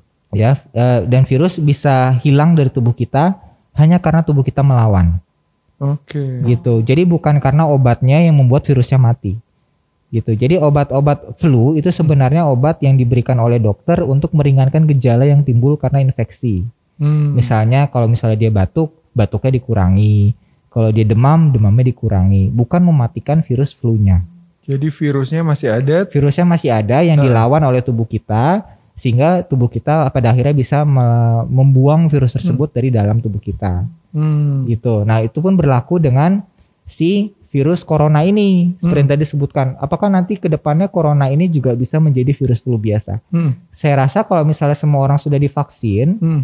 Dan sudah muncul kekebalan komunitas atau herd immunity yang tadi eh, mungkin belum kita bahas ya. Herd immunity itu kan minimal 70% orang Hmm. dari total populasi sudah divaksin. Hmm. Jadi eh, itulah kenapa penting bagi teman-teman sobat hangat yang eh, memiliki apa namanya yang masuk kriteria untuk boleh divaksin itu tolong divaksin, jangan takut. Kenapa? Karena ada banyak orang-orang yang tidak masuk kriteria ini yang boleh divaksin. Misalnya dia penyakit ginjal, penyakit kanker, anak-anak yang masih belum boleh divaksin. Nah itu harus dilindungi oleh orang-orang yang sudah divaksin. Hmm. Nah, fungsi teman-teman yang sudah divaksin ini adalah melindungi mereka-mereka tersebut. Gitu. Itulah ya, yang disebut dengan herd immunity, kekebalan imunitas eh, kelompok atau populasi eh, masyarakat umum. Jadi, kalau misalnya sudah semakin banyak orang yang eh, kebal dengan suatu penyakit, maka ketika dia terinfeksi, mungkin gejalanya sudah tidak seberat seperti dia baru pertama kali eh, kenal. Makanya kan masih ada COVID yang gejala berat, tapi juga ada orang yang COVID-nya gejala ringan. Hmm. Ya mungkin pada saat nanti ke depan COVID ini masih tetap ada, tapi gejalanya lebih ke gejala Ringan. ringan. Atau mungkin itu. OTG gitu ya. Betul, atau Iya, mungkin iya, OTG. iya. Jadi virus itu nggak akan hilang. Hmm. sa- Apa sama itu kayak berarti- gimana, Boleh ya? Bu? Boleh. Eh, Ah. Apa itu berarti semua orang bakal bakal ngerasain kena COVID? Gitu. Ya, kalau misalnya COVID ini masih terus uh, ada dan terus ditransmisikan dari Ah. satu orang ke orang lain, Ah. ya bisa jadi semua orang pada akhirnya akan bisa merasakan terinfeksi virus COVID sepas- sama halnya seperti virus flu. Hmm. Pada uh, hampir kayaknya tidak uh, tidak ada ya orang di dunia ini yang nggak pernah Yang kena belum- flu nggak, sama ah, sekali ah, gitu. Iya. Jadi ya mungkin saja COVID juga seperti itu gitu. Jadi Hmm. apalagi kan secara transmisinya atau penularannya sangat mudah Iya. Hmm. dengan melalui uh, percikan uh, Iya. droplet dari orang yang terinfeksi. Iya. Jadi bisa saja semua orang pada akhirnya akan terinfeksi virus Hmm. COVID ini. Tapi kalau misalnya dia sudah kenal dari sebelumnya sudah jauh sebelumnya, mungkin gejala yang ditimbulkan pun akan lebih ringan, gitu. nggak parah ya. Betul. Sama kayak misalnya sekarang kalau bicara soal apa tadi difteri, cacar Hmm. segala macam itu juga Betul. masih ada sampai sekarang ya dok. ya? Kemungkinan masih ada, Hmm. tapi gejala yang timbul mungkin kalau teman-teman lihat kan udah ada vaksin campak, tapi kok Hmm, masih, ada, yang juga kena. anak yang ah. kena campak gitu. Itu tadi memang gejalanya eh, akan lebih ringan daripada campak yang sebenarnya Oke, gitu. Itu dari Eki. Kemudian dari Kak Mesak, dok. eh, Sekarang kan udah ada tenaga kesehatan, udah ada guru, tokoh agama, ada media, ada atlet. Berikutnya kalangan mana lagi dok yang akan divaksin? Oke, jadi eh, sekarang vaksinasi COVID itu sudah masuk ke gelombang kedua. Jadi gelombang pertama itu dari yang nakes ya, lalu sekarang masuk gelombang kedua itu yang termasuk di dalamnya ada atlet, ada media, ada AS apa aparatur sipil negara ya, termasuk pegawai pemerintah, lalu TNI Polri, eh, pemuka agama, Hmm. sampai pelaku ekonomi seperti pedagang pasar maupun nanti yang di pabrik juga nanti ya kemungkinan akan oh, masuk makanya yang lalu di itu ya eh, yang di apa Tanah Abang. Tanah Abang Pedagang itu ya. Tanah Abang. betul. Oh, itu kan oke. pencanangan Ah. awalnya. Hmm. Nanti semua pasar-pasar di wilayah selain Tanah Abang juga akan mulai Oh, divaksin. oke. Gitu. Nah, lalu setelah itu akan masuk ke gelombang ketiga. Gelombang ketiga itu masuk ke masyarakat umum. Oh. Jadi yang belum divaksin di gelombang satu dan gelombang dua ini akan masuk ke gelombang ketiga Hmm. yang mungkin rencananya sih kalau dari planning eh, pemerintah yang sudah saya pelajari Mm-mm. itu sekitar pertengahan tahun ini. Hmm. tahun ini. Ya, sekitar Oke. bulan Mei atau bulan Juni lah. Jadi ya mohon bersabar. Bersabar dulu ya. Oke. Kemudian pertanyaan dari Nope. Hmm. Dok, eh, kalau nanti vaksin untuk anak-anak itu akan beda nggak dengan kalau misal udah ada dok, akan beda nggak dengan yang sekarang diterima oleh orang dewasa? Oke, tergantung dari jenis vaksinnya. Jadi kalau misalnya pada misalnya ya, pada penelitiannya ternyata vaksin Sinovac ini berbahaya untuk anak-anak Hmm. misalnya ke depannya. Ya, kemungkinan nanti akan dibuat eh, akan dicari vaksin baru Hmm. yang bisa aman untuk anak-anak yang mungkin bisa pada kasus seperti ini ya mungkin kasusnya akan vaksinnya akan berbeda. Tapi kalau misalnya nanti ternyata pada penelitian vaksin yang kita gunakan sekarang aman untuk anak-anak ya vaksinnya akan sama-sama saja Hmm. gitu seperti halnya seperti yang lansia. Ada yang bilang eh, waktu kemarin itu oh khusus untuk lansia yang aman itu Pfizer atau Moderna. Hmm, Tapi kan itu jauh sekali ya dari Amerika dan belum masuk ke Indonesia dan untuk penanganan eh, vaksin tersebut pun harus eh, penanganan khusus gitu yang Iya. kalau menurut saya sulit untuk diterapkan di Indonesia. Tapi ternyata dari penelitian yang berterus berlanjut, Sinovac pun sudah cocok untuk lansia. Nah, itulah kenapa eh, untuk lansia pun vaksinnya tidak dibedakan. Oh, Yang dari Indonesia belum ada ya dok? Sedang eh, masuk uji eh, uji klinis tahap 3 kalau saya nggak salah. Oh, bentar lagi yang merah dong ya. putih. Heeh. Merah putih gitu ya? Iya. Oh. Iya, iya. Oke, pertanyaan berikutnya dari Lisa. Dok, ada golongan darah tertentu nggak? Yang Nah ini sebenarnya saya eh, kalau secara pribadi saya juga belum baca penelitian lebih lanjut yang mengenai golongan darah ini meskipun memang eh, ada beberapa kasus yang bilang oh eh, penyakit ini lebih mudah kena golongan darah yang ini gitu ya. Heeh. Cuma sebenarnya eh, secara medis golongan darah tidak terlalu berpengaruh sih terhadap eh, kemam apa namanya kemungkinan dia terkena penyakit seperti itu. Heeh. Karena yang nah, golongan darah itu kan dia hanya eh, gen gen dari eh, darahnya gitu dan semua orang sebenarnya memiliki komponen darah yang sama. Gitu cuma dia ada gennya, ada yang dia gennya ke A, ada yang gennya ke B atau dia gennya ke O atau AB. Hmm. Nah, tapi kalau kemampuan atau ketahanan seseorang dalam melawan infeksi itu sih lebih di, dititik beratkan kepada antibodinya atau sel pertahanan tubuhnya, bukan ke golongan darahnya Oh, oke, gitu. Jadi oke. sebenarnya kalau dilihat dari golongan darah, Hmm. saya belum bisa jawab.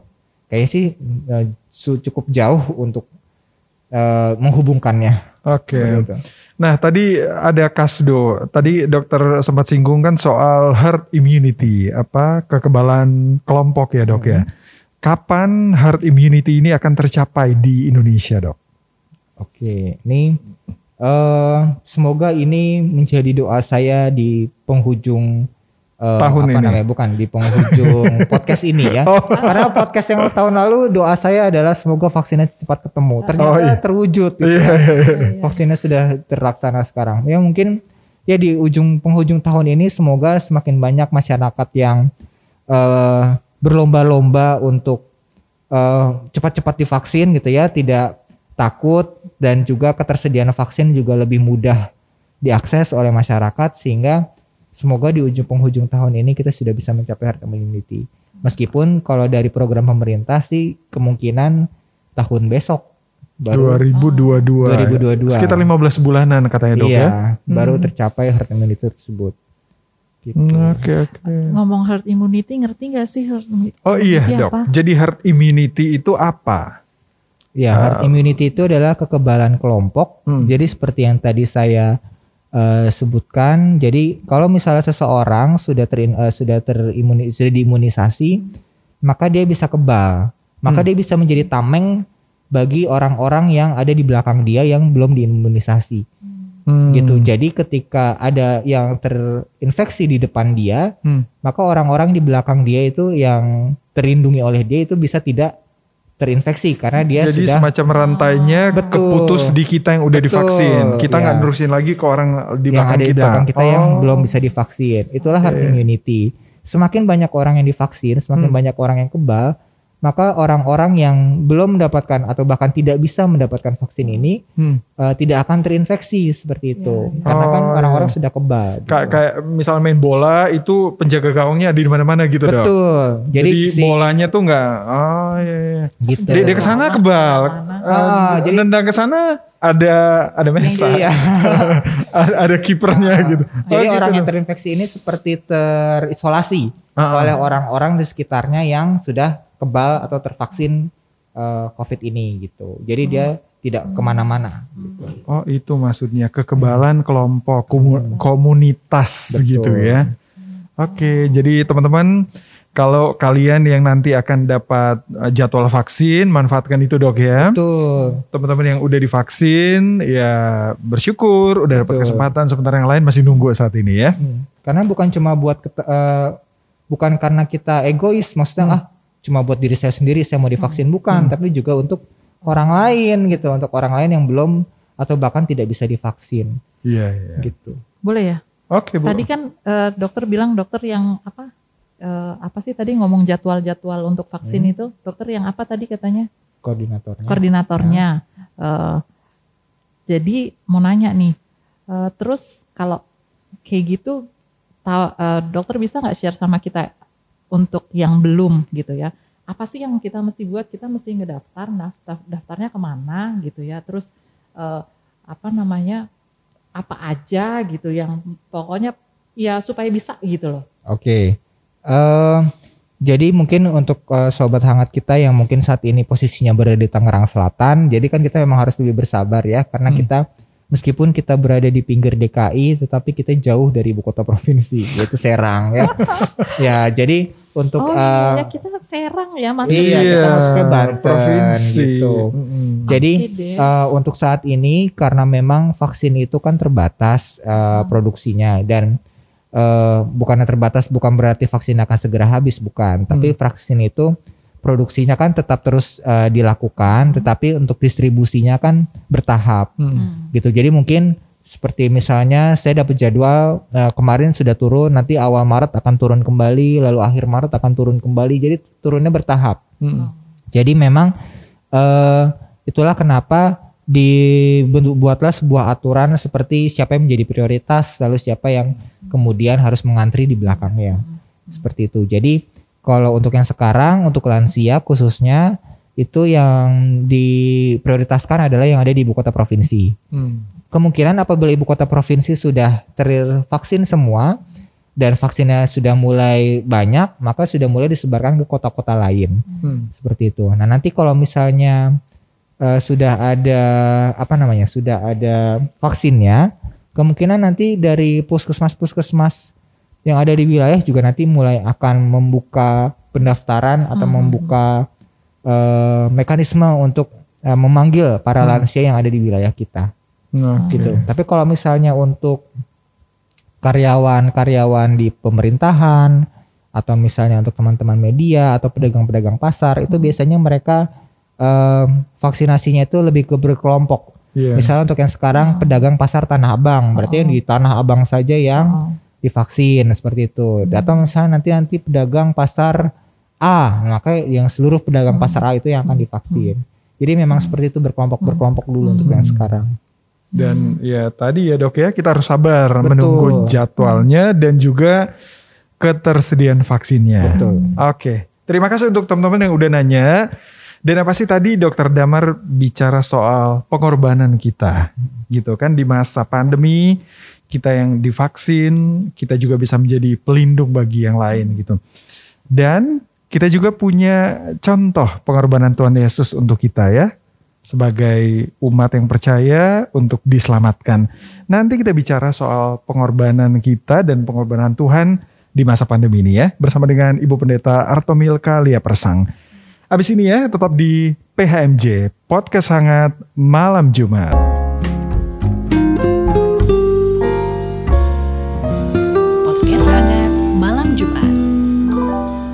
Kembali lagi di sini di podcast Hangat Malam Jumat PHMJ dari kami di GPIB Kasih Karunia di Parung Serap, Ciledug, Tangerang, Banten. Dan kita masih bersama dengan ada Dr. Damar Nadeak dan juga ada Ibu Pendeta Artomil Kalia Persang. Kita bicara soal vaksin, bicara soal pengorbanan, apalagi kita kan ini udah masuk di masa prapaskah ya. Tadi dokter Damar udah banyak cerita apa itu vaksin, apa efeknya, kenapa kita harus divaksin. Dan tadi menarik di eh, segmen sebelum kita tutup tadi, dokter Damar menyinggung soal pengorbanan kita dok ya. Jadi bukan cuman ego kita nih gitu, tapi kita juga bisa melindungi keluarga kita, orang-orang terdekat kita, bahkan ya lingkungan masyarakat kita ya. Karena kita pengen pandemi ini cepat selesai. Nah, malam ini ada Ibu Pendeta Arto Milka yang akan menjelaskan tentang bagaimana firman Tuhan bicara soal pengorbanan kita Ibu di masa ya sekarang di masa pandemi gitu dengan adanya vaksin Bu. Oke.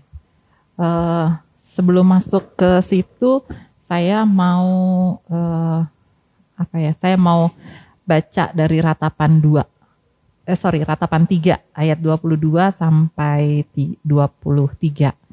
Jadi eh, ratapan 3 ayat 22 sampai 23 itu eh, tak berkesudahan kasih setia Tuhan, Mm. tak habis-habisnya rahmatnya, selalu baru tiap pagi besar kesetiaanmu. Saya sengaja nih mulai dari ini nih gitu, karena eh, ya dari situasi kita sekarang gitu ya, gitu.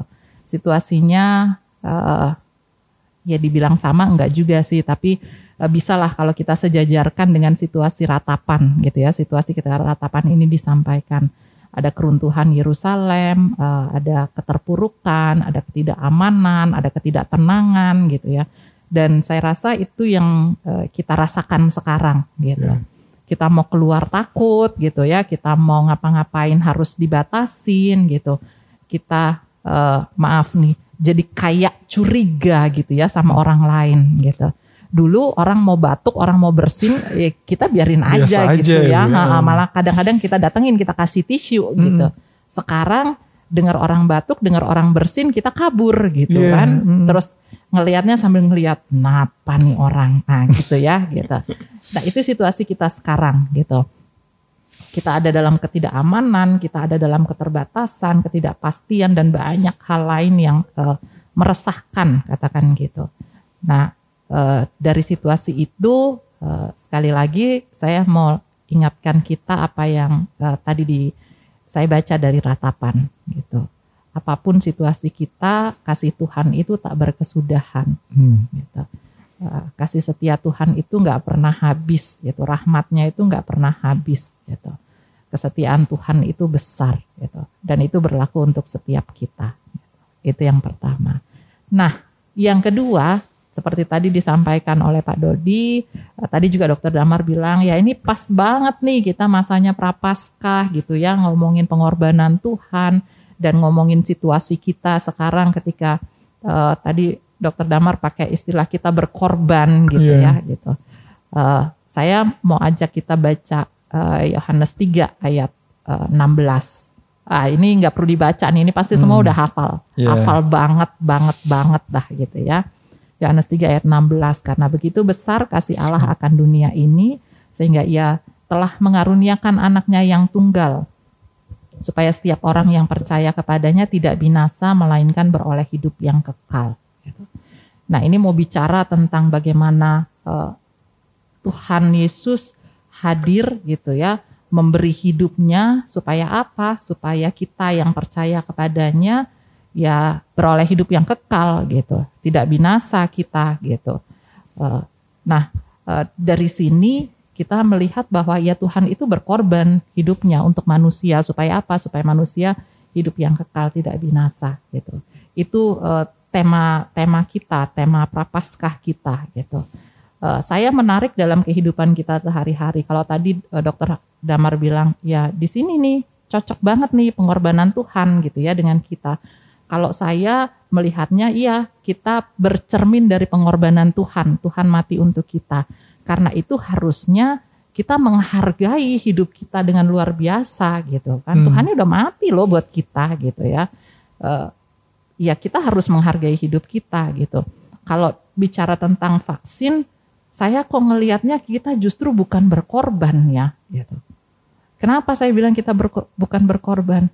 Vaksin ini tadi kan dokter bilang vaksin ini eh, ketika kita divaksin itu kan baik buat kita, gitu ya dok ya? Betul. Itu baik buat kita, itu bikin kita eh, sederhananya bikin kita lebih sehat gitu kan, gitu. Dan ketika kita ada di situasi itu bukan hanya kita loh yang dapat gitu, Hmm. tapi tadi yang apa herd immunity ya Iya. Hmm. kita juga membuat orang-orang di sekitar kita tuh jadi aman gitu loh. Eh, ini justru sesuatu yang eh, kalau saya boleh katakan double, untungnya itu double gitu. Kalau kita divaksin ini gitu. Mungkin untuk sebagian orang, waduh ini vaksin gimana nih ini itu dan seterusnya gitu. Tapi di sini justru kita mau lihat bahwa ketika kita menerima itu, eh, itu berarti bagaimana kita menghargai gitu, menghargai pengorbanan Tuhan Tuhan yang sudah mati, Tuhan yang sudah memberi diri, memberi hidupnya untuk kita gitu. Dan saatnya kita untuk menjalani dan menghargai hidup kita gitu. Dengan apa? Dengan kita menjaga hidup kita dengan baik gitu ya. Dan ketika kita menjaga hidup kita dengan baik dalam situasi ini eh, terkait dengan vaksin, kita terima vaksin gitu ya. Kita mendaftar untuk kita yang belum daftar, untuk kita yang sudah terdaftar kita siap untuk terima dan kita terima itu gitu ya. Dan itu berarti kita tidak hanya menjaga diri kita tapi menjaga orang lain di sekitar kita dan itu yang jadi eh, tema kita gitu ya. Kita kita ini e, bertanggung jawab untuk kehidupan gitu bukan hmm. hanya kehidupan kita tapi kehidupan orang lain di sekitar ups, orang lain di sekitar kita gitu e, dari Yohanes tadi dikatakan bahwa ya Tuhan itu e, memberi hidupnya gitu. Tuhan Yesus memberi hidupnya sehingga kita tidak e, binasa gitu. Artinya jelas bahwa kalaupun kalaupun kita e, mati kita nggak perlu khawatir karena kita hidup kekal gitu. Itu jelas gitu. Nah e, terkait dengan keberadaan vaksin ini sekali lagi ya kita bukan bukan persoalan takut mati gitu bukan gitu dan bukan itu kalaupun kita mati kita nggak masalah kok kita tahu tujuan tujuan kita ketika kita mati yeah. ke mana gitu ya hmm. gitu. yang jauh lebih penting adalah kita menghargai kematian Tuhan pengorbanan Tuhan dengan kita memberikan uh, kehidupan yang baik untuk orang-orang di sekitar kita dengan menjaga diri kita dengan menerima vaksin dan itu berarti ya kita benar-benar memberi hidup kita atau memberi menghargai apa yang sudah Tuhan uh, berikan untuk kita gitu ya. Dan uh, yaitu sebagai syukur kita karena kita sudah menerima uh, kita sudah percaya kepada Tuhan Yesus kita sudah menerima anugerah hidup yang kekal itu gitu. Nah uh, dari sini uh, seperti tadi yang uh, kita sudah percakapkan bersama ya rasanya tidak perlu gitu ya. Ada kekhawatiran, ada uh, apa kecemasan gitu ya, ada uh, apa pikiran-pikiran yang uh, apalah itu namanya gitu ya. Oh jangan vaksin jangan ini jangan itu. Nanti kenapa nanti hmm. apa gitu. Tadi dokter Damar sudah jelas sudah uh, sampaikan pada kita dan sangat jelas gitu ya bahwa uh, ini melewatin proses kok gitu ya, nggak terus buru-buru langsung disuntikin gitu ya hmm. gitu. Uh, tapi ada prosesnya gitu dan proses itu terus berjalan, proses itu terus berkembang seperti yang tadi disampaikan uh, bahwa awal lansia belum boleh gitu, ibu menyusui belum boleh gitu ya tadi ya dokter ya. Nah, sekarang dengan perkembangan dan hasil uh, penelitian yang ada yang dilakukan lansia sudah dengan catatan-catatan, ibu menyusui sudah boleh gitu. Ya kita berharap ke depan sudah makin banyak uh, yang bisa gitu ya untuk mendapatkan uh, vaksin ini. Dan itu juga berarti menjadi bagian dalam tanggung jawab kita ketika kita menghargai hidup yang Tuhan berikan untuk kita gitu. Kita ingat gitu di uh, kejadian satu ayatnya yang ke-27 ketika Tuhan menciptakan uh, kita Eh, Tuhan menciptakan kita menurut gambar dan rupanya dan kemudian di ayat 28 di situ kita diminta untuk uh, apa istilahnya berkuasa atau uh, menjadi rekan kerja Allah untuk menata kehidupan ini gitu hmm. kan. Nah, ini saatnya gitu. Ini ini ini yang harus kita tunjukkan gitu. Ketika kita mengambil bagian menerima vaksin ini tadi pertama kita bukan hanya uh, menerima untuk keuntungan diri kita, tapi kita menyambut itu sebagai syukur kita karena Tuhan sudah memberi hidupnya untuk kita. Kita mensyukuri hidup kita, tapi juga di sisi lain kita mau mengambil tanggung jawab kita untuk apa? Untuk menjaga kehidupan ini untuk lebih lebih baik ke depan. Kita ikut menata kehidupan ini ke depan. Gitu. Karena ya sekarang bagian kita, sekarang tanggung jawab kita. Gitu uh, dari pesan firman Tuhan uh, berangkat dari bagaimana Tuhan memberi dirinya untuk kita di masa prapaskah ini kita diingatkan bahwa ya nggak perlu ada keraguan untuk kita gitu. Uh, mari kita sama-sama hadir dan memberi diri untuk uh, menghayati pengorbanan Tuhan dengan menjaga diri kita, menjaga hidup kita, dan juga menjaga keberlangsungan kehidupan bukan Yeah. hanya saat ini, tapi juga uh, sampai uh, waktu di mana uh, Tuhan izinkan kita untuk ada dan boleh berkarya. Ya. Itu Pak. Oke, amin. Terima kasih Ibu Pendeta. Dokter Damar, apa harapan dokter dengan ada vaksin ini? Kemudian tadi Ibu Pendeta menyampaikan juga soal pengorbanan Tuhan Yesus untuk kita manusia dan juga kita akan ya bagian dari pengorbanan kita juga ya dok ya di masa pandemi ini. Ya betul. Jadi eh, benar seperti tadi Bu Pendeta bilang, eh, di sini kita sebenarnya eh, lebih ke arah mengetuk hati sisi kemanusiaan kita, Hmm. gitu ya. Jadi ketika kita sudah menerima undangan untuk mendapatkan vaksin, maka seharusnya kita harus eh, mau atau bersedia untuk memberikan diri untuk mau divaksin terutama untuk kepentingan diri kita sendiri ya agar kita bisa terlindungi, kita bisa kebal, tapi juga untuk orang lain di sekitar kita yang mungkin belum bisa menerima vaksin karena penyakit ataupun kondisi yang ia alami. Hmm. Jadi harapan saya eh, apabila memang sudah waktunya eh, mendapatkan giliran vaksin, sobat hangat maupun orang-orang lain di luar sana secara eh, rendah hati mau eh, dan bahkan berlomba-lomba untuk eh, menerima vaksin tersebut Hmm. sehingga diharapkan eh, di akhir tahun ini atau bahkan lebih cepat lagi mungkin ya kalau misalnya vaksin nanti sudah tersedia dan pelaksanaan vaksinasinya juga sudah bisa lebih lancar dan lebih cepat maka herd immunity yang kita harapkan yang kita dambakan saat eh, pandemi ini terjadi bisa segera terwujud Oke. sehingga pandemi ini bisa bisa kita eh, selesaikan dalam waktu secepat-cepatnya. Iya. Gitu. Itu harapan kita juga semua. Terima kasih Dokter Damar untuk edukasinya malam ini Sama-sama, dok. Pak. Sehat selalu. Makasih dok. Sama-sama Bu Ibu Pendeta Lia juga terima kasih Sama-sama, untuk terang firman Tuhan malam ini juga ya.